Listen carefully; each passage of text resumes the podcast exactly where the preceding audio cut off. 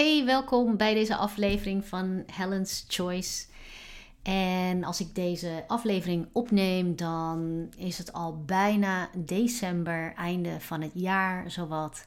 En deze laatste weken van het jaar, dat vind ik ieder jaar, vind ik altijd heel, een, hele fijne maand, een fijne periode.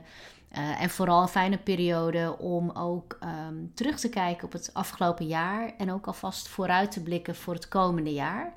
Um, dat is niet wat ik voor deze aflevering in petto heb, um, maar ik vind dit altijd een mooie periode voor nog meer uh, reflectie.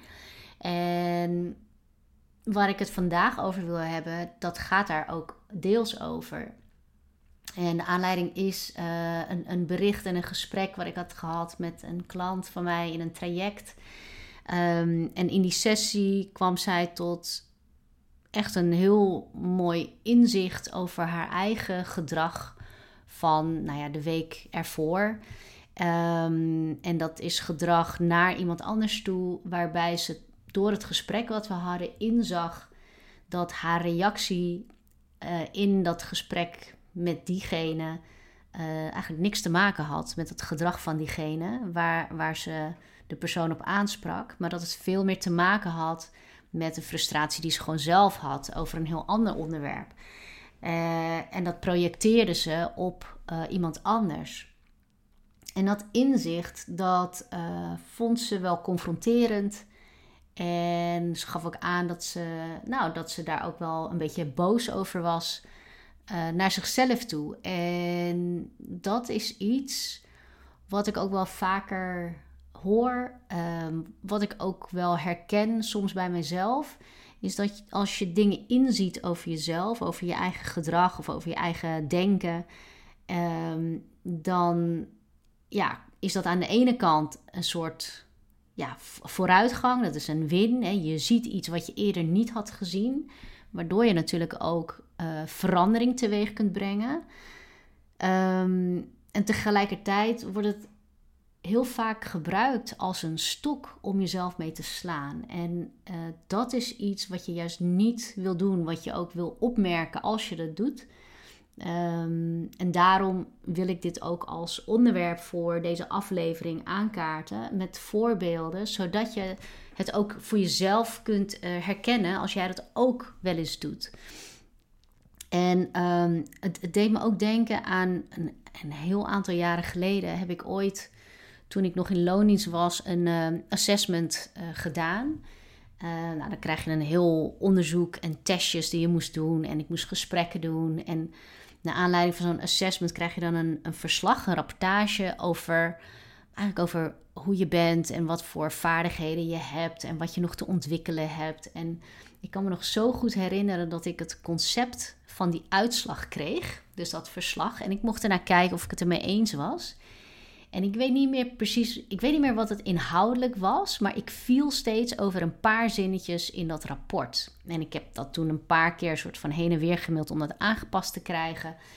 Uh, inhoudelijk weet ik niet meer waar het over ging, maar wat me zo is bijgebleven is hoe hard zoiets um, binnen kan komen bij jezelf. Dus als je iets zwart op wit ziet staan over misschien iets wat je nog te ontwikkelen hebt of iets wat nog, um, ja, waar je um, misschien niet heel effectief in bent in je communicatie. Dat kan iets bij je triggeren, omdat je, ja, je krijgt gewoon feedback. En dat gevoel, dat is waar ik aan moest denken toen ik ook dat bericht ook las van uh, de cliënt van mij in het traject. En dat is het gevoel dat je het niet uh, goed doet. Dat je het niet goed hebt gedaan. En dat je het misschien ook niet zo goed kunt doen als dat je zou willen. Hè. Ook dat kan uh, natuurlijk ook meespelen. Maar het is heel grappig, want ik heb zojuist ook het rapport, dat verslag zeg maar, van het assessment van mijzelf, heb ik nog even gepakt, erbij gepakt. En het is echt heel lang geleden hoor. En, uh, en als ik het dan nu teruglees met de aandachtspunten die ze dan hebben benoemd. En dat vanwege persoonlijkheidskenmerken niet zeker was of ik daar voldoende in zou slagen om bepaalde dingen goed te ontwikkelen. Uh, met coaching en training. Hè. Dus dat liet ze eigenlijk een beetje in het midden. Uh, zo van, nou, misschien is de potentie er wel, maar of het eruit komt, dat is nog maar de vraag. Ehm, en als ik dan kijk waar het over gaat, zijn het dingen die ik nu gewoon ja, goed kan en die ik ook leuk vind om te doen. En er stond bijvoorbeeld ook in, dat ging toen ook heel erg over het profileren. Hè? Dus ook het netwerken en het spreken voor groepen waar ik toen uh, echt wel moeite mee had. En ehm, ja, als je ziet hoeveel ik in de afgelopen jaren ook heb gedaan en ook in geïnvesteerd natuurlijk om dat veel meer te ontwikkelen. Dan denk ik, jeetje, weet je, als zo'n verslag er bij jou zo inhakt, want dat kan ook gewoon een, een test zijn, een vaardigheden, talententest enzovoorts. Maar als het bij jou er zo inhakt, als je ziet staan wat je uh, beter zou kunnen doen of nog niet ontwikkeld hebt of te ontwikkelen hebt, um, dan zou het zo zonde zijn als, het, als je je daardoor laat weerhouden om daar iets mee te doen. Omdat er zogenaamd als zwart op wit staat dat dat misschien toch niet helemaal jouw ding is of dat het misschien toch verspilde tijd en moeite is, terwijl dat helemaal niet zo hoeft te zijn. En sterker nog, um, ik ben er juist van overtuigd dat, dat vaak dat je juist daarin iets te doen hebt om, um, ja, om misschien ook de sterktes die je hebt, om dat ook weer te balanceren met andere vaardigheden dus daar waar je ehm, misschien als kracht hebt dat je heel goed kunt luisteren naar mensen, heel actief kunt luisteren, um, maar waarbij als je daar eh, te veel in nou ja, doorslaat, is misschien niet helemaal het goede woord, maar als vooral de zwaarte daar ligt, waardoor je uh, veel te weinig ook laat weten hoe jij ergens over denkt, ook op de momenten dat dat er echt toe doet. Um, dan is dat natuurlijk zonde. En dan is het juist heel krachtig als je werkt aan dat stuk wat je dan nog meer te ontwikkelen hebt. Hè? Dus dat je inderdaad uh, expressie geeft aan, uh, aan jouw mening of aan jouw visie. Uh, en dat brengt het juist mooi in balans. Dat je dat dan allebei kan, waarbij jouw natuurlijke kracht dan misschien in het luisteren zit. Hè? Of misschien is dat bij jou juist omgekeerd. Maar ik geloof juist heel erg dat het heel sterk is om te weten waar je Ehm, dingen beter in balans kunt brengen door juist het andere, die andere vaardigheid, iets meer te ontwikkelen dan je tot nu toe hebt gedaan. Ehm, en dat is waarom ik het ook zo belangrijk vind om, uh, om dit aan te halen. En de tweede reden is ook dat die stok waarmee je jezelf wel eens kan slaan, en daar zal ik zo meteen ook nog uh, een voorbeeld van geven. Um, ja, het helpt je niet. Kijk, als jij bezig bent met je persoonlijke ontwikkeling en je laat je coachen, je doet zelf aan, aan reflectie, je wil dingen altijd beter doen, dan is het zo zonde als, um, als je daar niet zoveel mee opschiet, omdat je altijd zal vinden dat je het niet goed genoeg doet. Want dat is het effect vaak van ja, het uh, boos worden of gefrustreerd raken over waar je nu staat. Of, of dat jij dingen anders had kunnen doen. Um, en dat is ook een hele belangrijke reden waarom dit een belangrijk onderwerp is om het ook over te hebben. En waarom ik dit met je wil delen. Nou, ik ben ook benieuwd of, of jij wel eens van die testen hebt gedaan. En misschien is het zo'n persoonlijkheidstest, hè, wat je bij een bureau hebt gedaan. Maar je hebt natuurlijk ook op internet allerlei testjes. En ja, ik weet van mezelf dat ik het altijd wel heel interessant heb gevonden om uh, zoiets te doen. Om die, die, testjes in te vullen, al die vragen dan uh, in te vullen, te beantwoorden. Uh, en dan kijken wat daaruit komt. En dat kan je heel erg eh, helpen. En dus soms voel je je heel erg gezien door zo'n uitslag. Ik kan me ook herinneren dat ik er één heb gedaan waarbij in de, in de periode toen ik bezig was om uit te zoeken van ja, wat wil ik nou eigenlijk echt? Hè? Toen was ik nog geen coach, nog niet voor mezelf begonnen. Maar ik wilde wel iets anders, maar ik wist echt niet wat het dan was. En er kwam dus uit die test onder andere dat ik een vuurzoeker was. Dus iemand op zoek naar, die, naar het ervaren van passie. En Ehm, het bracht zo goed onder woorden wat ik wel soort van voelde, maar gewoon niet, niet echt goed concreet kon maken voor mezelf. Um, dat dat juist een uitslag was die mij heel erg hielp om erkenning te geven aan dat gevoel. Zo van ja, is dit het nou? en toen ik las van, nou, je bent gewoon iemand die een vuurzoeker is, dus echt op zoek naar veel meer enthousiasme en passie. Toen dacht ik, ja, weet je, dat, dat is ook echt zo. Dus soms, ehm, en dat is natuurlijk het meest gunstige van zo'n, van zo'n uitslag, van een test. Ehm, dan gebruik je het ten gunste van jezelf en ten gunste van uh, de, de stappen die je wilt maken. En wat ook wel eens gebeurt, is dat je dingen over jezelf leest die je dan wel herkent als waar je bijvoorbeeld niet zo goed in bent. Hè. Dat zou uit zo'n test kunnen komen. En misschien komt er wel uit dat je heel, uh, heel chaotisch bent, bijvoorbeeld. En dan denk je, ja, dat is ook echt zo. En uh, van, oh, maar daarom gaat het altijd zo moeilijk. En daarom kost dat me veel energie. En dat geeft natuurlijk een stuk erkenning. Um, en tegelijkertijd, en dat noemde ik net dus ook al, vind ik wel, vind ik het super belangrijk dat je dat nooit leidend laat zijn voor um, de keuzes die je maakt en hoe je handelt of hoe je naar andere mensen kijkt. Want uh, het is heel makkelijk en handig soms om in, om, om in bepaalde hokjes te kunnen denken. Zo heb je ook van die uh, testjes waaruit komt. In kleuren wordt dan weergegeven wat voor type je dan eigenlijk bent. Of wat voor uh, dominante communicatiestijl je hebt. En dan, dan, ben je misschien blauw als je analytisch bent. En groen als je meer mensgericht bent. Uh, rood als je heel erg resultaatgericht bent. en dan heb je nog geel, staat dan voor creativiteit bijvoorbeeld. Ja, dat is natuurlijk super handig. Um, en want daar kun je natuurlijk ook bij bedenken van oké, hoe communiceer je dan met iemand die veel meer een andere type communicatiestijl heeft. Heel handig en tegelijkertijd nooit 100% leidend. Ik zou nooit uitgaan van, ja, van zo'n uitslag. Uh, ik vind het altijd zo belangrijk om de nuance daarin op te zoeken en om vooral in de eerste plaats echt Ehm, de belangstelling te hebben voor wie die persoon is.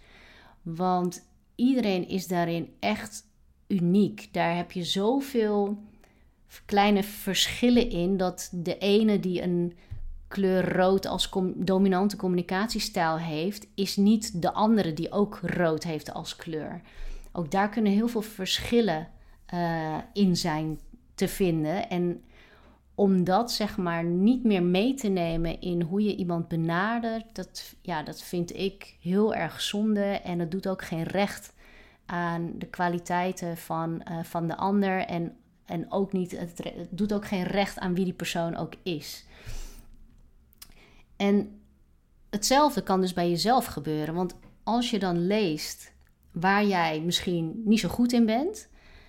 Um, dan kun je dat ook interpreteren als dat je dus niet goed genoeg bent op, op één of meerdere vlakken.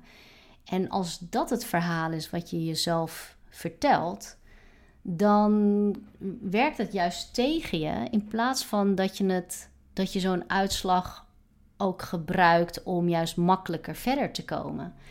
Uh, en om even terug te komen op het verhaal van, nou, je ontdekt iets over jezelf. Dus in zo'n, bijvoorbeeld in zo'n coaching sessie, uh, dan gebeurt natuurlijk regelmatig dat we iets uh, bespreken wat er is gebeurd.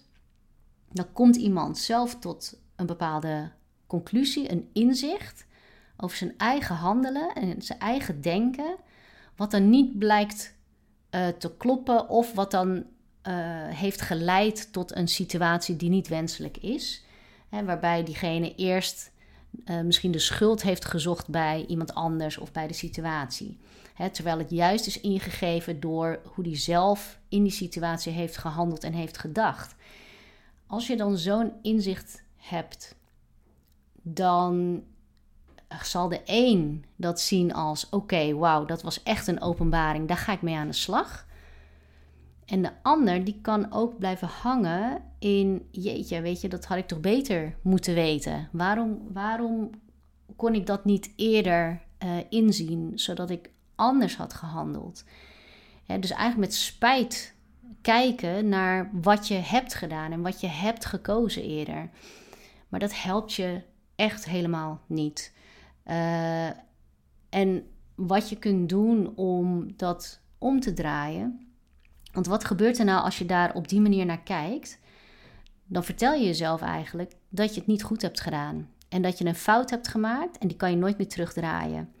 En als je op die manier hè, in, in het leven staat, dus ook voor de toekomstige dingen die je gaat doen en je toekomstige keuzes, dan neem je ook die ballast mee van ja, je kunt dus kennelijk hele foute keuzes maken die je gewoon niet meer kunt terugdraaien. En nou is het natuurlijk zo dat als je eenmaal een keuze maakt, dat je niet altijd alles weer uh, terug kan draaien in de situatie zoals het was voor die keuze. Alleen denk je dan heel erg in tekorten en in zwart-wit denken. Want als je elke keuze die je maakt kunt zien als dat het je of het resultaat oplevert wat je zou willen, of het levert je de lessen op die je kennelijk nodig had gehad om toch weer verder te komen. Als je er zo naar kunt kijken en maak je elke keus zonder het te zien als dat je het echt heel, heel erg fout kunt doen. Want van elke fout kun je dus kennelijk weer leren. En dat is natuurlijk iets wat je wel helpt om gewoon keuzes te durven maken. En ook fouten te mogen maken. Fout even tussen aanhalingstekens. Als je er op een andere manier naar kijkt, dus alsof je het dus echt fout hebt gedaan, dan verwacht je dus kennelijk van jezelf dat je in het verleden de kennis had gehad die je vandaag wel hebt. En dat kan natuurlijk niet. want als jij vandaag het inzicht hebt waardoor je dingen anders gedaan zou hebben, dan had je gewild dat je dat toen had geweten. Alleen je wist het toen niet. Dus op dat moment heb je gehandeld vanuit wat je toen wist en wat je toen in staat was om te doen of te kiezen. En daar is dus een stukje. Het is ook een stukje realistisch zijn, hè, want ja, dat inzicht had je toen nog niet. En je hebt toen ook gewoon gehandeld zoals je kon. Ehm, maar aan de andere kant is dat ook een stukje zelfcompassie. Zelfcompassie, uh, dat je ook met een bepaalde zachtheid daarnaar kunt kijken. Dat je ook gewoon een mens bent die ook keuzes maakt die achteraf uh, anders uitpakken. Die misschien niet zo handig zijn uh, geweest, achteraf gezien.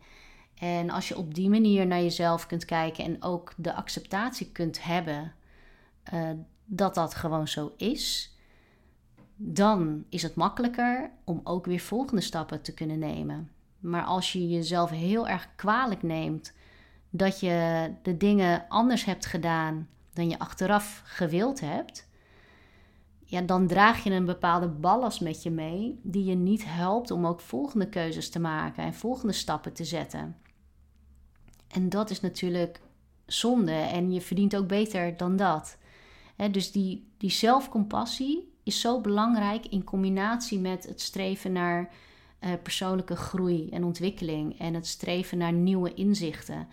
Uh, want soms zie ik ook dat, dat mensen daar zo um, op aangaan dat ze nieuwe inzichten hebben, terwijl ze tegelijkertijd ook met elk nieuw inzicht uh, zichzelf ook ja, blijven slaan met die stok van, oh, weet je, had ik het maar eerder geweten en had ik het toen maar anders gedaan. Of, dat is ook een andere manier van jezelf slaan, uh, is vinden dat je niet hard genoeg gaat.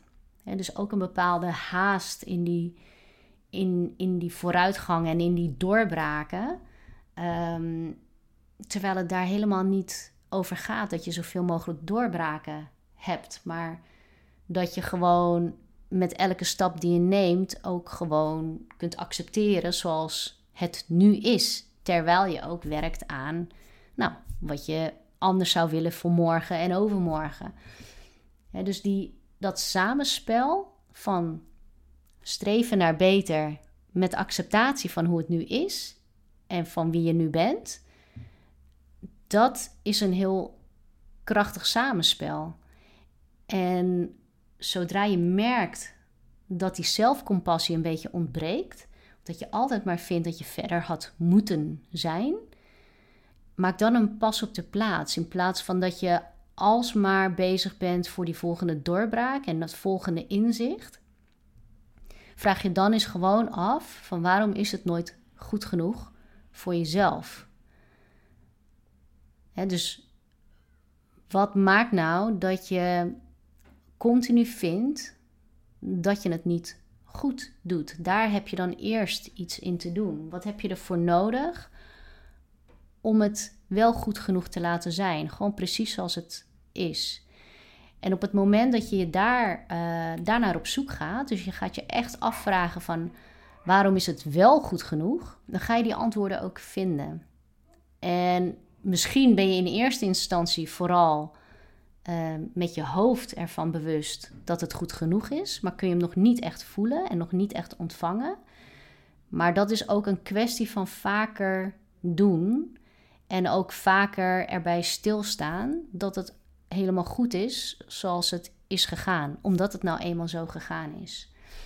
Nou, ik hoop dat dat niet te wazig wordt en te abstract. Um, maar wat ik vooral wil meegeven is dat dus die zelfcompassie in combinatie met het streven naar nieuwe inzichten en naar persoonlijke groei, dat die twee heel belangrijk zijn, dat dat samengaat. En als jij merkt dat die zelfcompassie een beetje ontbreekt, hè, doordat je bijvoorbeeld heel erg eh, getriggerd wordt door nou ja, iets waarvan jij vindt dat je beter had moeten doen, um, ja, ga daar dan eerst mee aan de slag voordat je weer streeft naar volgende grote doorbraken.